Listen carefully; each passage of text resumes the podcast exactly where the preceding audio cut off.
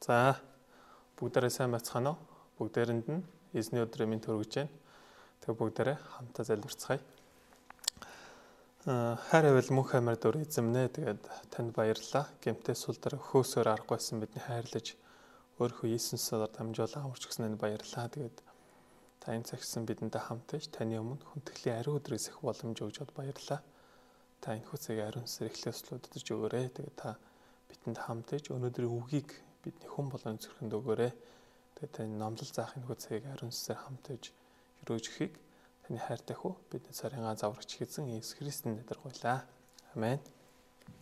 За өнөөдрийн номлолын нэр нь би хүсэж байна цэвэрш. Номлол Марк 1:40-45, гол ишил 1:41.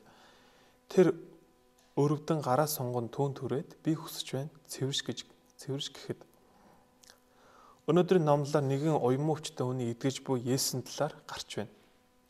Ихэнх хүн зүрх сэтгэл болоод бие махбодын хувьд эрүүл цэвэр амьдралаар амьдрахыг хүсдэг. Гэвч ихэнх нь тиймхүү амьдрч чаддаггүй. Ялангуяа хүн гадна талаараа эрүүл биетэй ямар нэгэн асуудалгүй мэт харагдавч гин нүглэс бол зүрх сэтгэлдээ уймуучтай эрүүл бус хүмүүс олон байдаг. Тэгвэл өнөөдрийн үг бидэнд хэрхэн цэвэр эрүүл болох талаар заа өгч байна. Есүс дээр ирсэн оюун өвчтэй хүний итгэл болоод түүнийг эдгэсэн Есүсийн хайр ба хүч чадлыг ойлгож хүн бүр зүрх сэтгэлдээ эдрэлийг хүлээн авч чадахыг хүсэн гож байна. Амен. Нэгдүгээр хэсэг Есүсийн өмнө очсон оюун өвчтөн 40-р эшлэл. 40-р эшлэлийг үзээрэй. Оюун өвчтөн түүн дээр ирээд өмнө сүгдэж та хүсвэл намайг цэвэр болгож чадна ч үдэ гэж гуйхад Иесус Галил нутгаар сайн мэдээг тарааж анхны шавнарыг дуудан Бурхны ажлыг хүчтэй хийж байсан. Түүний нэгэн тосгонд ирэх үед уйман өвчтэй нэгэн хүн өмнө ирээд өвдөг сүгдөөд та хүсвэл намайг цэвэр болгож чадна шүү дээ хэмээн гуйсан. Лук номноос харуул нэгэн уйман өвчин Лук номноос харуул нил уян болсон гэж хэлдэг. Үүнээс харуул тухайн хүний бүх биеэр уян өвч өвчин тархсан гэдгийг бид мэдж болно. Тэгвэл уйман өвчин ямар өвчин бэ? Уйман өвчин бол микробактериум лепра, микробактериум лепратомосис хэмээх нянгуудаар үүсгэдэг халуун орон тохиолдог халдвар төвчин гэж байна. Энэхүү өвчин хүний биеийн эд эсүүдийг гэмтээж арсыг ялзруулдаг учраас хүний гадна төрхийг харахын эцгүү болгож өөрчилдөг тийм өвчин байна. Эрэгтнүүдийн үзүр хэсэгт ургацсан үүсч задрахаар эдээ гоожж өмхий өнөртдөг. Хүн дэрхээр нянгууд нь зөөлөн идэг гэмтэж хөмсөг болоод хамар унаж гар хөлийн хуруунууд нь үе үеэрээ салж ундаг аюултай. Хамгийн аимшигтай зүйл нь мэдрэлийн хэсийг үгүй хийдэг учраас өвдөлт мэдрэхгүй халах үднэгч мэдрэх мэдрэмжгүй болдог гэж. Өнөөдрийн үгэнд гарч буй уян мөвчтээр нь бүх биеэр тархсан байдлыг харуул биеийн байдал маш ноцтой байсныг бид мэдж болно. Магадгүй биеийн хэсэг бүртэнд буглаа үүсч идэ гоожин өмхөн өнөр үнэрцэж үнэрцэн байх. Түүний хөмсг нь унаж, хамар нь унаж, нүд нь сайн юм харж чадахгүй байсан байх. Мөн гар хөлийн хуруунууд нь тасарсан бөгөөд түүний дүр төрх нь нүд халтрам аимшигтай байсан нь ойлгомжтой. Хуучин гэрийг харуул уян өвчний бузар өвчин гэж тооцдог байсан ба халдвартай учраас хүмүүс хүмүүс болон нийгмээс тусгаарлан хуаргийн гадна амьдруулдаг байсан. Лук номны 13:45-46 үзвэл энэ өвчин туссан хүн хувцас уурж тасна толгоо нүрээ даавгаар таглан бузарцсан бузарцсан хэмээн хашгиран гудамжаар явах ёстой байдаг. Ялангуяа өвдөчд ууг өвчнийг бурхны хараал гэж тооцдог байсан. Тиймээс уйман өвчин тусан хүний амьдрал нь ямар ч хүсэл найдваргүй өхлийн ял шитгэлийг авсан та адил маш хүнд хэцүү байсан нь ойлгомжтой. Библиэд олон удаа уйман өвчнийг гэмтэй холбогдож орцсон байдаг. Гимээс болж харагдах үед уйман өвчин илэрсэн түүхүүд Библиэлд олон байдаг. Уйм яагаад гэвэл уйман өвчний шинж тэмдэг бол олон талаараа гмийн шинжтэй ижил төстэй байдаг. Тэгвэл аль талаараа адилхан бэ? Нэгдүгээрт уйман өвчин хүний гадна төрхийг сүйтгдэг. Үүнтэй адил гим бол бурхны дүр төрхийг үгүй хийдэг.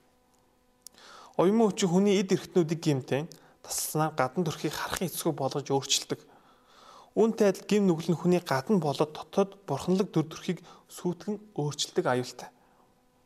Бурхан үнийг анх өөрийн дүр төрхийн дагуу нин сайхнаар бүтээсэн. Ёс сурахад ёс ёс суртахуунтай Бурханы хайр ба ариун зүвт болоод бурханлаг чанарын дагуу бүтээсэн. Гэвч анхны хүн Адам гимд унсаар энэхүү бурханлаг дотоод мөн чанарыг алдсан юм. Тиймээс хүн гэдэг амьтан гим үйлдэх тусам бага багаар бурханлаг мөн чанарыг алдаж ёс суртахууны хэмжүүрөө болж махбодын хүсэл тачаал ба амиа хуваа хичээх сэтгэл худал хуурмаг гэх мэтэр дүүрэн амьдрах болсон. Тиймээс гим нүгэл нь хүний бурханлаг дотоод үр төрхийг өөрчилдөг аюултай хүч юм.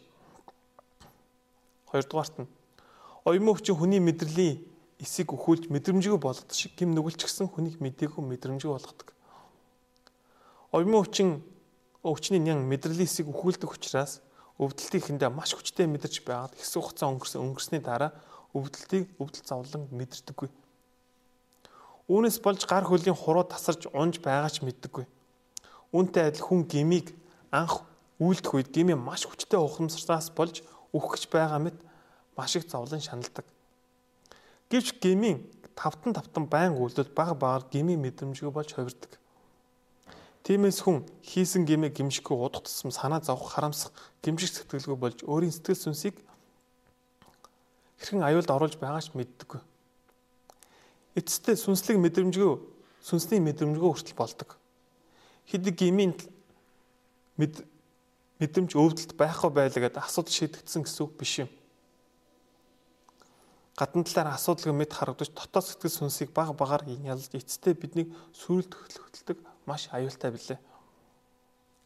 3 дугаарт нь оюун өвчнийг нийгэмээс тусгаарладаг шиг хүний бүхий л харилцааг гим тасалдаг. Хуучин гэрээнд оюун өвчтэй хүний хуаарны гадна байлгаж нийгэмээс бүрэн тусгаарладаг байсан. Өөрөөр хэлбэл бусдад харилцах харилцааг салгадаг гэсэн үг гэсэн утгатай. Үүнтэй адил гим үйлцэн хүн өөрийн ирэхгүй зүрх сэтгэлээ бусдаас өөрийгөө тусгаарлан хордог. Цаашлаад бурхантай харилцах харилцааг хүртэл тасалдаг, таслахад хүргэдэг.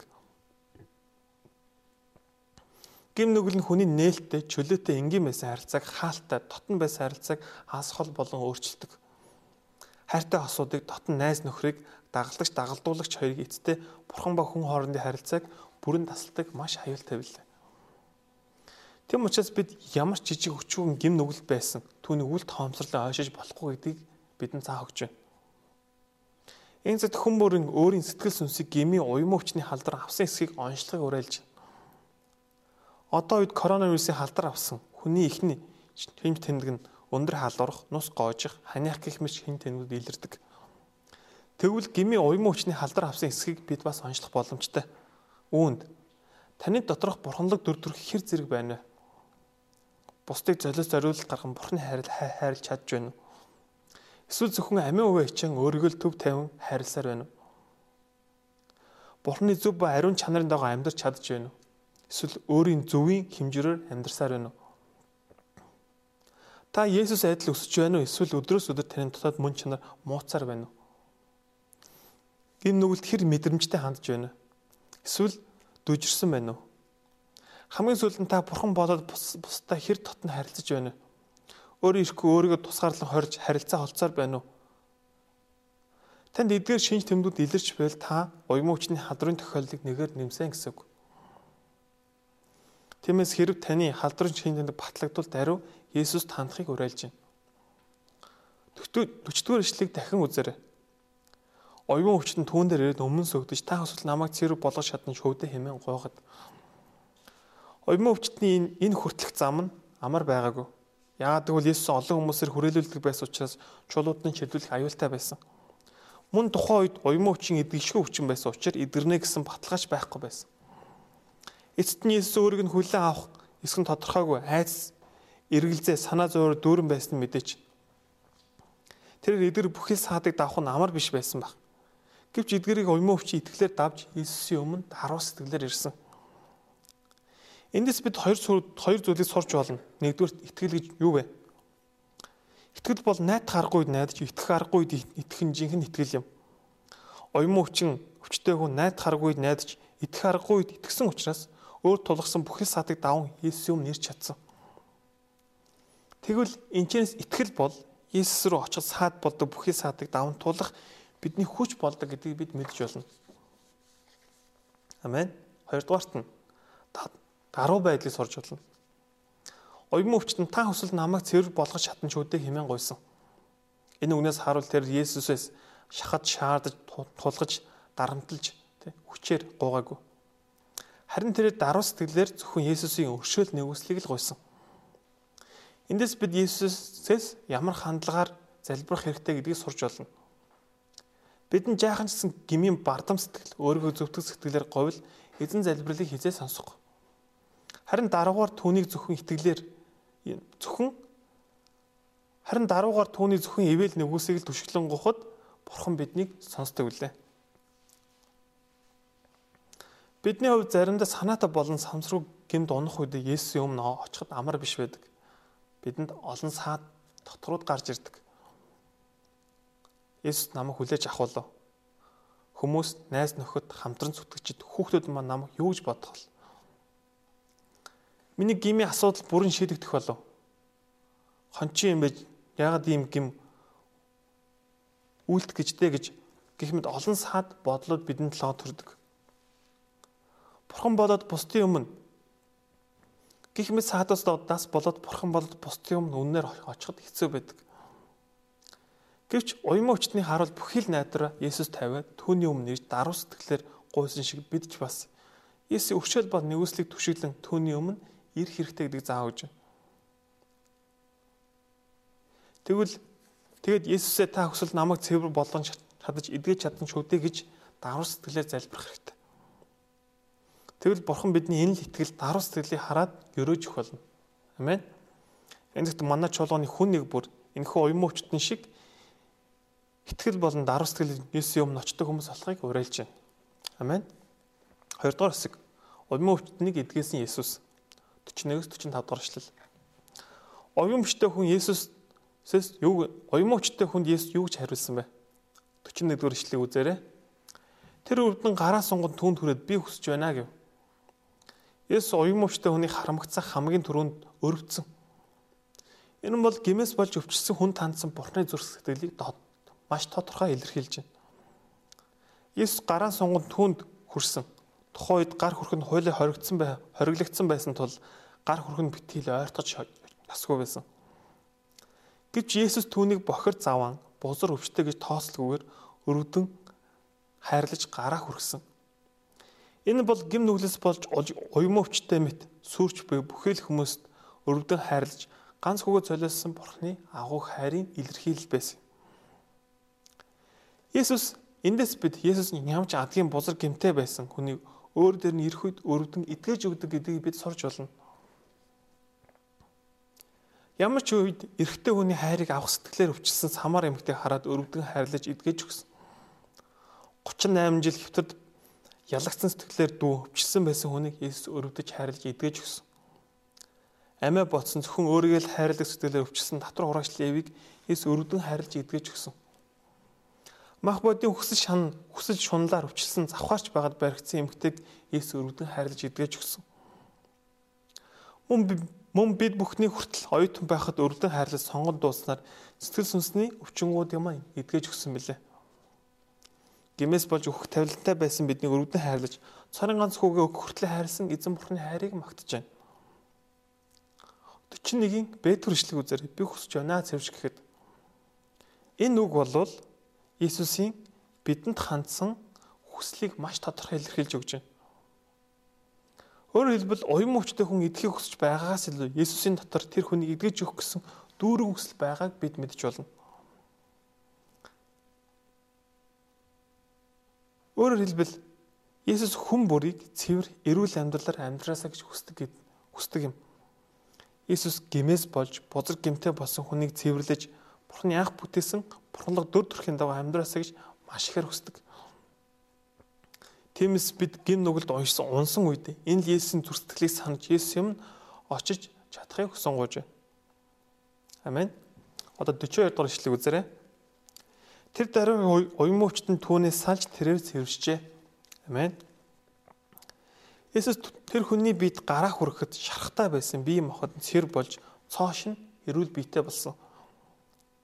Тэр хотод орж бусдын адил чөлөөтэй амьдч гэр бүлтэй болоод хайртай хүмүүстэйгээ уулзах боломжтой болсон. Хамгийн гол нь Иесусийн хайрыг би сэтгэл сүнсээрээ маш гүнзгий мэдэрсэн. Энэ бол Иесус гимээс болж оюун мөвчтэй болсон биднийг цэвэр ариун болгож Бурхны дүр төрхийн дагуу цоошин үн цэнтэй утгуучтай амьдралаар амьдрахыг амьдруулахыг хүсдэг. Тийм хүртэл хүч чадалтай гэдгийг хүртэл бидэнд заах өгч.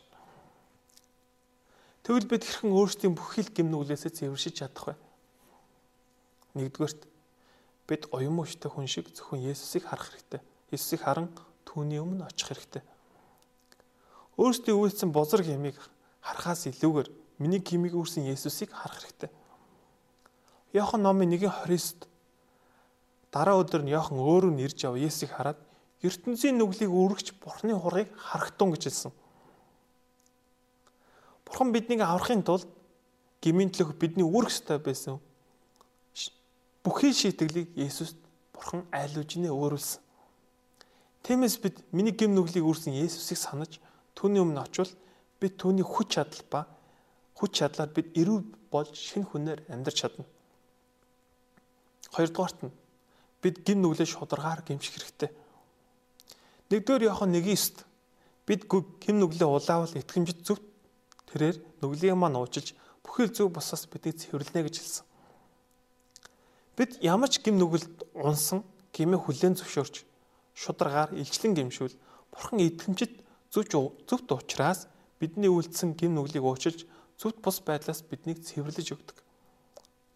Тиймээс бид хувь хүмүүр өөрсдийн гимийг шударгаар хүлээн зөвшөөрч улааснаар Иесусийн өгдөг жинхэнэ идэрлийг авч сэтгэл болно бие махбодоор эрүүл хүнээр амьдарч чадах хүсэн гооч. Амен. Израиль улсын анхны хаан Саул гим дунсны дараа өөрийн гимийг хүлэн зөвшөөрөг учраас бурхан цааш түүнийг хэрэглэх боломжгүй болж түүнийг орхисон байдаг. Харин Давид бурхан Саул ханаас илүү ностой гим үйлцэн боловч үнэн шударгаар гимийг хүлэн зөвшөөрөн нулимс хасар болол чин сэтгэлээс гимшсэн. Тэр үед бурхан Давидыг хүлээн авч авралын түхэнд агуугаар хэрэгэлсэн байдаг. Эндээс бид гим нүглийг хүлээн зөвшөөрөхгүй байх нь бурхантай харилцах харилцаанд ямар хохиролтой. Мөн дээрсэн шударгаар хүлээн зөвшөөрөх үед гимшгүүд ямар их хайр ивэл авдаг вэ гэдэг зүйлийг бидэнд маш тодорхой зааж өгч. Энэ цагт Иесусийн гайхамшигт хайр болон хүч чадалд итгэн гимээ гимшсэн цэвэр эрүүл амьдралаар амьдрахыг уриалж байна. Миний хувьд ч гэсэн өнөөдрийн номлолд гарч буй оюун өвчтэй хүнтэй адилхан байсан. Цуглаанд ирэхээс өмнө янз бүрийн гимээс бол сэтгэл сүнс минь гими оюун өвчтэй байв. Цахварлын бичлэг үзнээс үзнээс болж үдсэн дүрс бичлэг бод санаанд минь суугдах болсон. Энэ байдлыг манд хүмүүс мэдвэл яана хэмээн бодож намайг хүмүүс юу гэж бодох вэ гэсэн санаа зовроос болж маш их айцтай амьдардаг байсан. Гэвч бурхан Лук номны 5 дахь бүлэгт гардаг оюун өвчтэй үнийг эдгэлсэн Иесус номлоор дамжуулан хизэж идэхгүй гэж бодож исэн энэ сүнсний өвчнийг идэгнэ гэдэг бат итгэлийг өгч өөрийнхөө цагт идгэж өгсөн. Оюун өвчтэй хүн Есүс зөвхөн идэрлийг аваагүй. Тэрээр идэрснээр бусдын адил энгийн хүмүүс шиг хотод чөлөөтэй амьдрах, сурж болсрох, гэр бүлтэй болох, үр хөвгтэй болох гэд олон ивэлүүдийг авсан. Үүнтэй адил миний өвч гисэн ар гэрийн асуудлаас болж оюутан болж чадахгүй Улаанбаатар хотоос зайдуу багнууд өргөт насаараа хар ажилчин болж дуусах тавилантай нэгэн байсан. Бурхан болоод энэ чуулганы ч хүртэл танихгүй өөрд амьдрах байсан. Гэж бурхан намайг оюутан болох ивэлэгч оюутны хончноор дуудаж бусдын адил суулж болсох хотод чөлөөтэй амьдрах боломжийг нээж өгсөн. Үүнээс гадна гэр бүлтэй болж хоёр хөөрхөн хүүхдээ өгч хотод амьдарч олон олон сүнслэгийн өрөөлүүдийг бурхан эдлүүлсээр байна. Одоо бүр бурхан намайг бүтэн цагийн хончноор дуудан өөрхийн авралын ажил хүртэл нандаар хэрэгжилж байна. Оюун өвчтөй хүний адил муу тавилантай байсан намайг сэтгэл сүнсийн юм эдгэж өгөхөөс гадна бусдын адил Тэнгэрлэг хариу их өрөөлөдийг эдлэх боломж өгсөн бурхан талархаж байна. Бүхэл алдар магтаал нь эзэнд байх болтугай. Дүгнэлт хүн бүр цэвэр ариун зөвхт амьдралаар амьдрахыг хүсдэг. Гэвч сул дараа байдлаас болж гэмт байн байн ундаг.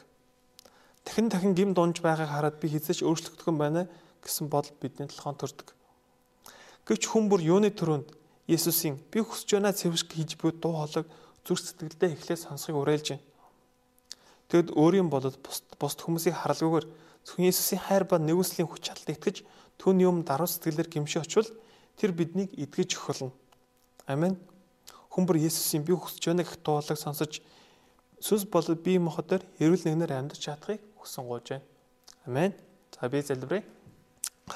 Хайртай бурхан амнэ тэгээ танд баярлалаа. Энэ цагт би хүсэж байна цэвэрш гэсэн энэ хөө номлоор дамжуулан та гим нүгэлтэй сул дорой бидэнд хандсан та өөрхөө зүрх сэтгэлийг мөн дээрээс нь бид хүртэл идэх боломжтой гэдэг зүйлийг зааж өгсөн танд баярлалаа. Тэгээд хайртай бурхан минь ээ. Тэгээд та бидэнтэй хамт байж бид уянмуучтанд хайрлах бусдыг харлаг өөрийг харлаг зөвхөн Есүсийн хайр бол нэгүсэл түшиглэж Есүсийн өмнө ирж даруй сэтгэлээр таны нэгүсэл хичээнгүлэн гуйснаар таны өгдөг тэр эрүүл бие махбод эрүүл сэтгэл сүнсийг эдэлж чадаад тусч өгөөч гэж танаас хичээнгүлэн гуйж байна. Хайртай бурхан аваа. Тэг манай чуулганд таамтаж манай чуулганы хүн нэг бүр аваа. Есүсийн өмнө очисноор сэтгэл сүнсэнд нуугдсан тэр гими оюун өвчнөөс салж сүнс болон бие махбодод эрүүл хүмүүст амьдарч чадах тусалж өгөөч гэж танаас хичээнгүлэн гуйж байна. Энэ цаг өгснөнд баярлалаа. Бүх зүйлийг танд даатгаж байна. Таны хайртай хүү бидний царайгаа заварч эзэн Есүс Христ нэрээр гуйлаа. Амен.